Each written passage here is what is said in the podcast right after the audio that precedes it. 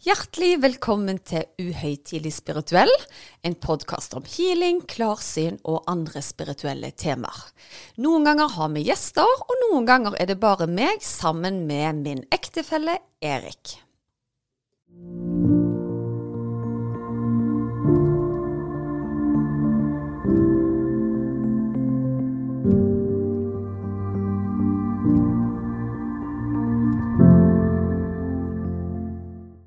Ja, Susanne, da var vi i gang igjen.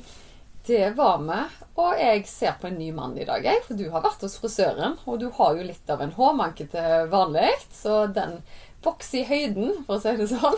Ja, og angående en ny mann, kan jeg tenke seg at dette var hårklippen jeg hadde et tidligere liv. ja, det kan godt være. Ikke det livet jeg har sett deg i, men det skal jeg komme tilbake til. Ja, nei, men det er spennende. For det som jeg tenkte vi kunne snakke litt om i dag, det er Har vi levd før? Mm. Og det er jo kanskje ikke noe som eh, vi tenker over så veldig ofte. I hvert fall hadde ikke jeg gjort det tidligere. Og jeg har per i dag ingen sånn minner fra mitt tidligere liv, i hvert fall. Men det var jo inntil jeg prøvde noe som heter regresjonsterapi, som var veldig spennende. Ja, og sånn som jeg har forstått det, når du sa du skulle prøve dette, så måtte jo jeg selvfølgelig prøve å finne ut hva er det for noe. Ja. Og regresjonsterapi betyr altså det å gå tilbake igjen i tid. Ja. Og det terapien går da ut på, det er på en måte å fremprovosere minner av gjerne fortrengte hendelser eller sånne ting. da. Sånn at du, du blir Du går tilbake igjen i tid, og så får du de opp i, i nåminnet, da, for å si det sånn. Ja. Og den gangen jeg ble tilbudt å prøve det, så var det av ei fantastisk dame som heter Toril Turell. Og hun tok meg da inn i min aller første regresjon. Og det er noen år siden.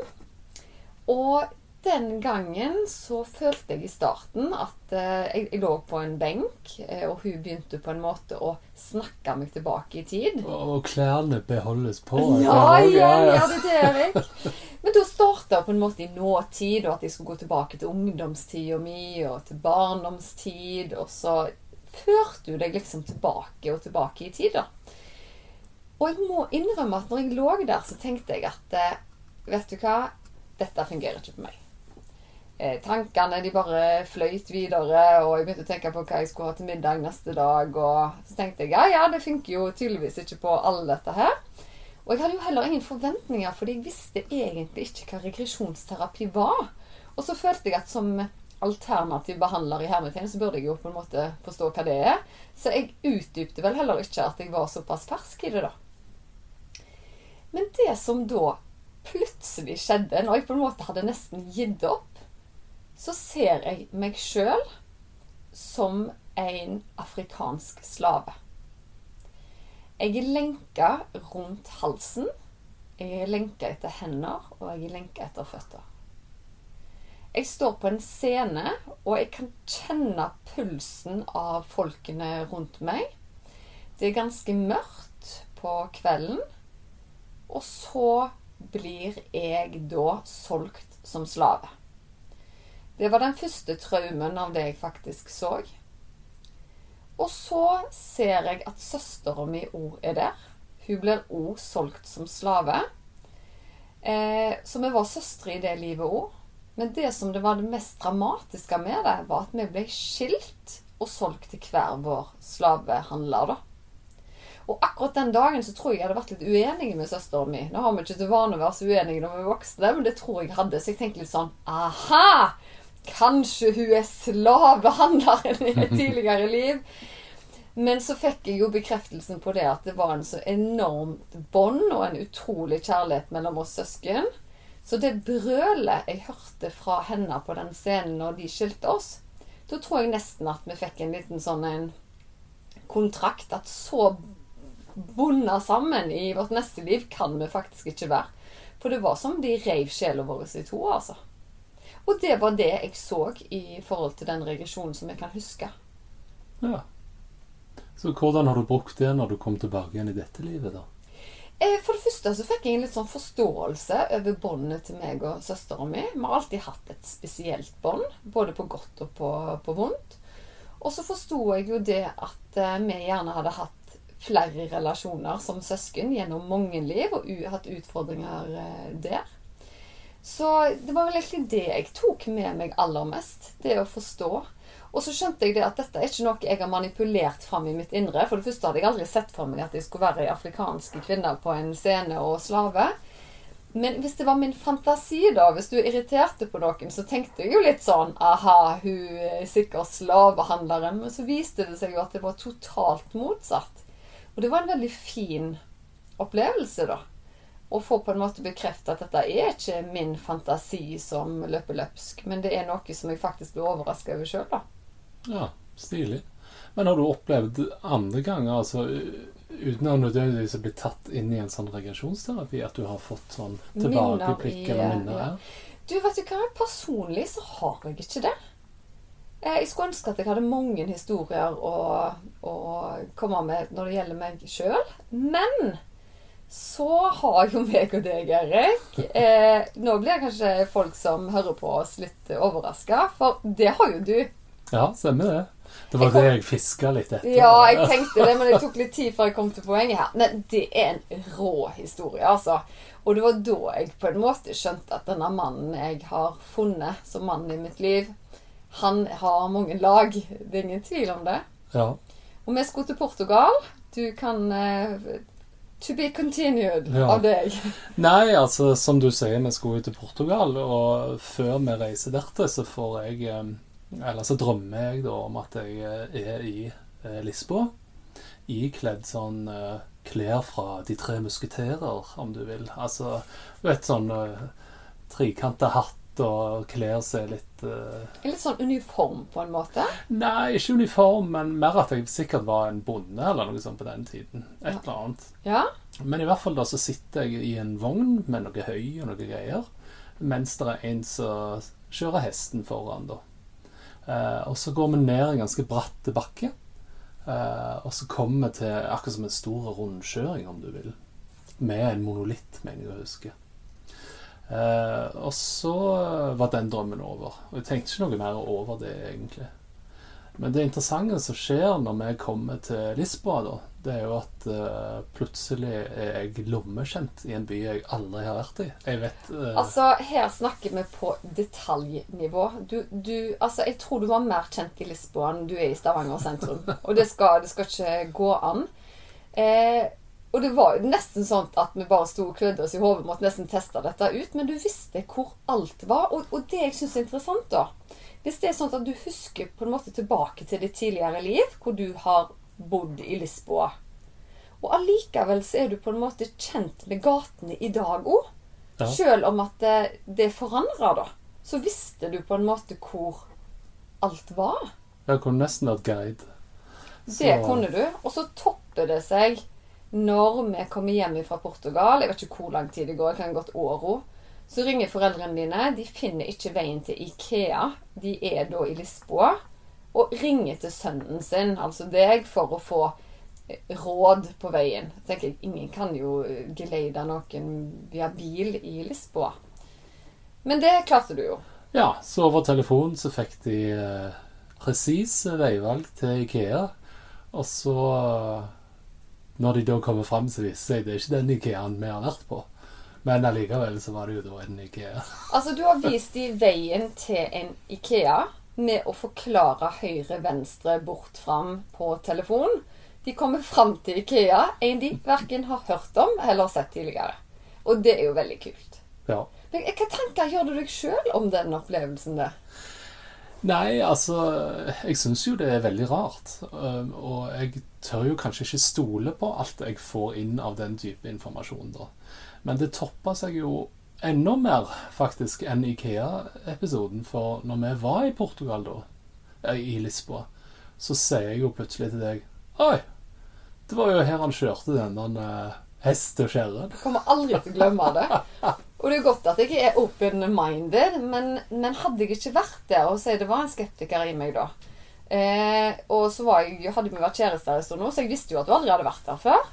Men for meg, da, hadde du vært en ny bekjent, så tenkte jeg å, hallo, når kommer det fram at han bor jo her? Eller han er herifra, eller har hatt tusen ferier her? Men selv om du hadde vært der da hvert år, ti år på rad, så kan du for mye på detaljnivå om byen allikevel, altså. Så jeg syns det er veldig kult.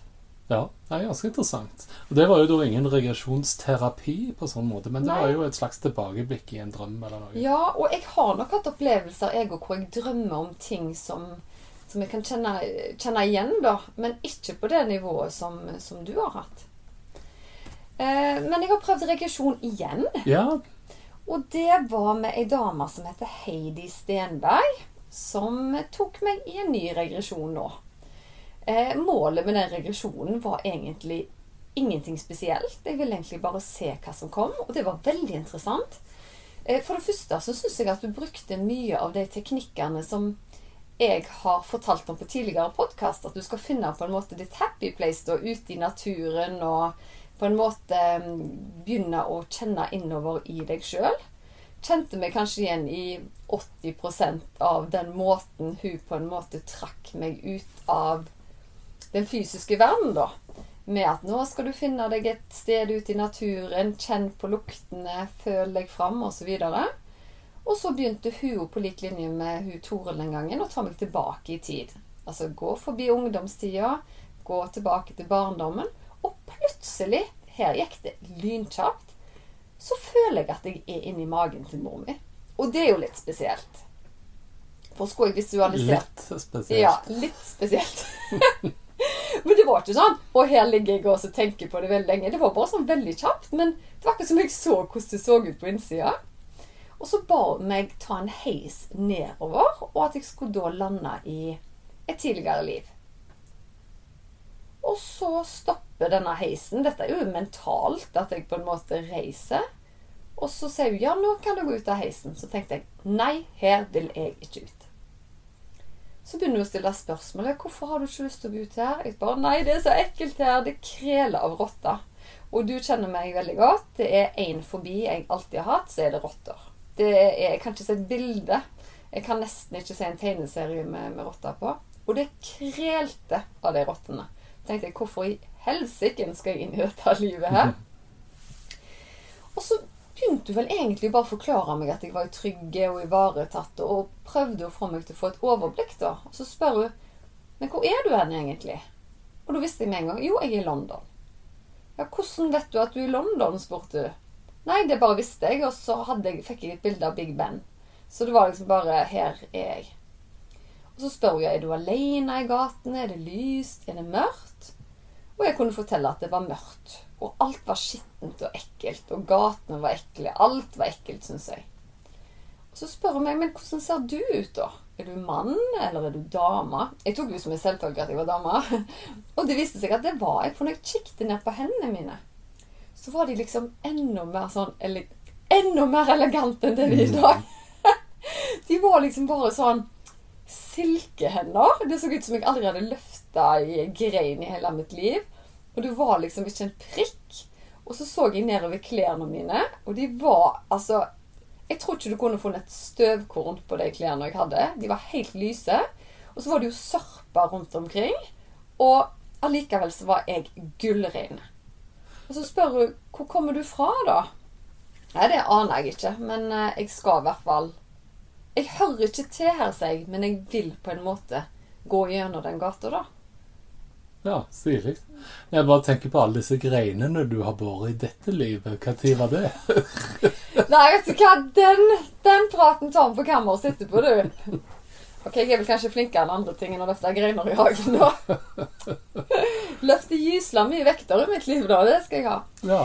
Men så Nei. London, ja. Ja, Og så sier hun på en måte til meg, mens jeg er jo våken, men jeg er altså i den tilstanden Ja, skal du være ute da, eller går du inn hos dem? Og jeg bare Nei, jeg skal inn på den puben der. Ja, har du lyst til å gå inn der? Ja, jeg hadde lyst til å gå inn der. Så tenkte jeg liksom Å, hvorfor vil jeg det? Det er jo så ekkelt her. Og så går jeg inn i denne baren, og der ser du liksom folk som sitter og drikker øl og skåler og sånne ting. Og jeg har jo ingenting der å gjøre. Så går jeg bort til baren, og jeg vet ikke om jeg bestiller meg noe, det husker jeg ikke. Men så snur jeg meg til høyre, så ser jeg på en måte bakfra på skrått en veldig sjelden flott mann med litt sånn hestehale. En frekke hestehale, altså. Og han har, han, han har liksom ikke sånn overklasseklær, men ikke overklasse, nei, underklasseklær heller. Sånn midt imellom. Han er veldig reine. Og så tenkte jeg når jeg sto der Der er mannen i mitt liv. Og jeg visste at jeg hadde fulgt etter han. Han, han kjente ikke meg, det visste jeg bare. Men jeg på en måte visste hvem han var, da. Og så fikk jeg en følelse av at han gjerne hadde vært innom den plassen jeg bodde. Ehm, og så går jeg bort og setter meg på et bord alene. Og så snur denne mannen seg i baren og kikker på meg. Og så er det ditt fjes. Ah, skal vi se. Så jeg var i London òg. Du var i London òg! Du har vært mange plasser. Så kommer du bort, og så setter du deg ned med bordet med meg. Og så sier du bare de mest fantastiske, fine ting. I det livet så var du jækla raus på komplimentene, for å si det sånn. Ja, ja. Nei, så, så ble jeg spurt om det liksom, skjedde noe mer liksom, under samtalen. Nei, det visste jeg ikke. Jeg visste bare at det ble helt stille rundt meg. Og så ble det plutselig ikke mørkt og skummelt lenger. Det var bare farger og fint. Og så ba hun meg om å gå ut ifra denne puben. Og da så jeg rotter og sånn ennå, men jeg var liksom ikke redd på samme måte. Ja. Og så tok hun meg ut av det livet. Stilig. Veldig viktig. Før den hendelsen her så ba hun meg om at jeg skulle invitere inn en hjelper som skulle gi meg en gave. Dette er veldig viktig. Og da så jeg plutselig for meg farmor som ga meg en giftering i ei eske. Og den gifteringen har jeg allerede fått, og den er ganske stor. Får, han er for stor for fingeren min, så den har jeg i et eh, smykke. Og så tenkte jeg det er jo litt rart at hun gir meg den gaven der. Den har jeg jo allerede fått. Men eh, så sa hun som holdt regresjonen, at eh, den gaven kan på en måte være et symbol på noe i de tidligere livene, da. Så det ble jo spennende. Og jeg blir tatt inn i to andre liv. Med den ringen på? Eller hadde ikke det noe med det å gjøre? Nei, det er det det kommer til Ah, ja, ja. Så hvis dere vil høre litt videre, så kan jeg fortelle om det neste livet. ja. Da tar hun meg altså ut av dette livet her, og så sier hun nå skal du gå tilbake til et annet liv.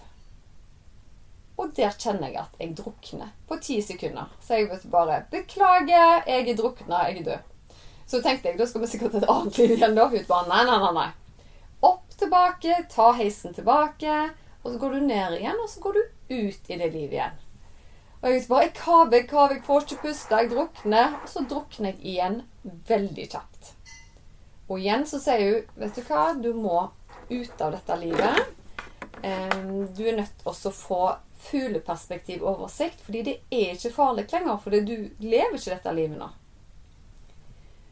Og da får jeg på en måte dratt ut spekteret litt, så jeg ser at jeg er sammen med to barn. Ei jente, en gutt, i en båt.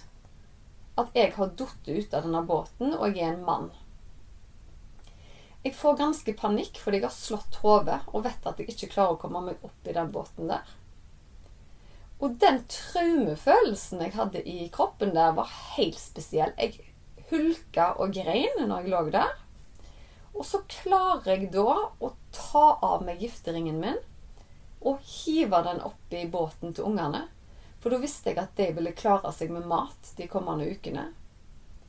Så det var på en måte hele missionet mitt for å prøve å kjempe meg til overflaten, var for å gi dem den gullringen. Og det siste på en måte jeg klarte å tenke da, var at eh, den måtte de gi til mor si, sånn at de skulle få mat eh, de påfølgende ukene eller månedene. Jeg vet ikke hvor mye han var, var verd, altså. Og det som gjorde litt godt, var at når hun tok meg på et mer fugleperspektiv der, så så jeg òg at båten var helt inne med land. Så ungene var jo helt trygge. Men det var den klaustrofobiske følelsen av å gi slipp på dem. Og i hvert fall når jeg har unger på samme alder i dag, og det var jo gutt og, og jente. Men den ringen som jeg da kasta om bord i båten, var jo en mannering. Og den var jo helt like den ringen jeg går med rundt halsen i dag. Som jeg har arva etter min farmor, som igjen har arva den. Så vi vet ikke hvor lang tid han går tilbake, fordi vi finner ikke helt ut av tallene som er skrevet inn i. Ja. Så i teorien så kan det være ringen som ikke ble eh, solgt til mat, men uh... Ja, nei, jeg, jeg tenker heller at den, den uh, ringen er et symbol på at ting går bra, da. Ja. Og at den gjerne var med oss og redda familien den gangen. Og at hun derfor ga meg den gaven i starten, for hun ville at jeg skulle gå tilbake til det livet. Og så tror jeg òg den ringen representerte meg og deg i det andre livet. For når jeg så deg der, så visste jeg jo at dette er mannen i mitt liv. Og på måten meg og deg var sammen på, på den puben, om du vil, da, så visste jo jeg at jeg skulle tilbringe resten av livet med deg. Jeg så ingen ring, det var ingen frieri der. Men jeg tror den ringen var på en måte litt slutta der og da. Ja. Men det jeg lurer på, hvis du da kan reise tilbake igjen i tid og oppleve såpass sterke ting, mm. kan du ha en slags ekko i dette livet når det gjelder helse? Si hypotetisk sett at eh, du har hatt ryggproblemer i et tidligere liv. Mm. Opplever du klienter som du gjerne føler at det kan være tilfellet? Ja, og det syns jeg var fantastisk at du kom inn på. Fordi jeg har de klientene Jeg får tydelige bilder av deres tidligere liv. Og jeg har bl.a. ei flotte dame som har slitt mye med hodepine, og hun får jeg så mange utrolige bilder av fra tidligere liv. Og det er alltid fra at hun detter fra hest, at hun blir forgiftet Alt mulig fancy greier. Og det er så sterke, de bildene som kommer. Og så er det akkurat som det er noen klienter jeg får det ofte opp med. Og da tror jeg at det er essensen for at de skal bli heala, da. Da er det traumer tilbake i tid. Mens de som jeg ikke merker noen ting på tidligere liv, de har gjerne mer ting som skal bearbeides i dette livet. Så, og jeg jobber jo ikke som regresjonsterapeut, men da er det jeg som får bildene. For hvis du går til en regresjonsterapeut, så er det jo du sjøl som får bildene. Ja, riktig. Sant? Så det er, det er kjempespennende. Og så vil gjerne en person som syns at dette er rart, eller ikke har noe tro på det De bildene en får en regresjon, kan jo bare være et symbolo. Men det er jo tydelig at det er noe i underbevisstheten som vil at vi skal jobbe med noe, da. Ja. Men da vil kraften, da, hvis vi er tilbake igjen i nåtiden, Ja, så vil da din kraft gå inn og på en måte plukke disse lagene fra hverandre litt, grann, og så Ja. Fylle de tomme glassene, holdt jeg på å si. Ja, og så er spørsmålet nå, da har jeg like mye rotteangst som jeg hadde før regresjonen? Det vet jeg ikke, for jeg har ikke eksponert meg for rotter ennå. Men det kan jo være at jeg trenger et par ganger. Det kan være mange liv jeg har hatt traumer med, med rotter. Nå fikk jeg jo heldigvis eh, deg som bonus, da. At jeg trossa rottene og gikk inn på den puben. Det var ikke verst, akkurat det, syns jeg. Nei, det er sant, det. Så, men eh, er det andre historier med folk Altså, jeg tenker eh, Et symbol som gjerne har vært fra den andre siden, eller sånn opp eh, gjennom årene, det er jo engler, f.eks. Ja. Og jeg hørte en historie med en person som gjerne sa hun hadde hatt ryggproblemer. Eh, og så viser det seg at når vedkommende kommer til en healing eller et eller annet, så kan det være feste der vingene satt. ja. Og det er jo litt interessant. Det er kjempeinteressant. Eh, og det kan vi jo på en måte ikke vite 100 da. Men det er jo de som hevder at de husker veldig godt fra tidligere liv. Og meg og deg så jo en veldig spennende eh, dokumentar om det emnet. Ja, eh, det handla jo da om en gutt som var, jeg tror han var 18 måneder gammel. Og så begynner han altså å fortelle om slag fra om det var første eller andre verdenskrig. Jeg er ikke helt sikker på. Men det er i hvert fall masse stoff på YouTube og alt det om denne gutten. Eh, og så eh, har de da prøvd å lose tilbake igjen hva er det i det han sier, eh, i form av virkelighet og dokumenter. Og det de har kommet fram til, da, at han mest sannsynligvis var en, eh, en pilot eh, i krig og ble skutt ned i Stillehavet et sted. Ja, han, jo, han visste jo detaljer fra hvor han ble skutt ned og sånne ting, som en liten toddler, liksom. Ja. Eh, og jeg vet òg at når han vokste opp, så reiste de jo faktisk for å møte de etterlatte etter han som døde i dette flyet. De syns vel at eh, kjemien der var jeg, jeg, Kanskje de hadde en forventning om å møte faren sin i døra. Nå var det jo gjerne en 18-åring som kom inn døra. Men jeg tror de opplevde at her er det null kjemi. Altså, de, følte ikke at det var faren sin som kom. Men det var jo på et så sinnssykt detaljnivå om hvordan faren deres var. Så de sto jo litt sånn tvista. Det er jo at eh, hvordan kan han vite alt dette om faren vår, men allikevel være så totalt forskjellig? Så jeg tror jo at det er fragmenter av sjelen vår som går videre, da. Og ikke gjerne hele pakken, men minner kan vi ta med oss. ja. Og det eh, tenker jeg at eh, hvis du som hører på har lyst til å, å høre mer om, eh, om den historien, så heter det altså Barra Boy. Uh, the, the, Case of the Barra Boy. Altså The Boy Who Lived Before. Så det går an å google. da. Ja, Kjempespennende. Du finner sikkert tusen andre historier òg, for det er liksom ikke unikt å være en av de som har, uh, har huska tidligere liv, altså.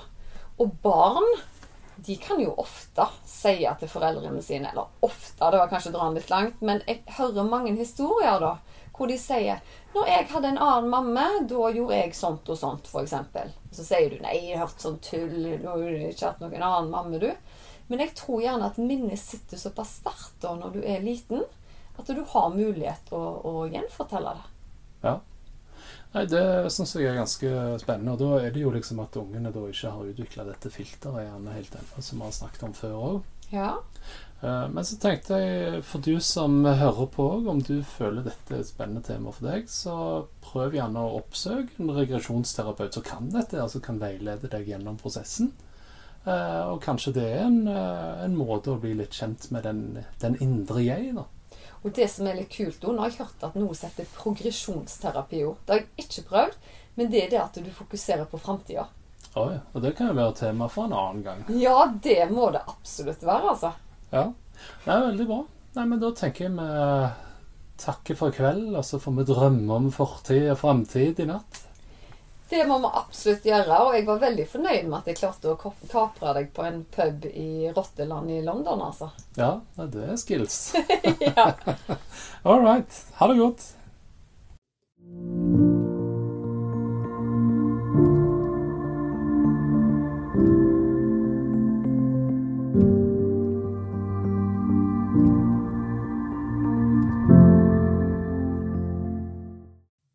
Visste du at du kunne ta kontakt med meg hvis du ønsker å få satt opp en personlig healingplan?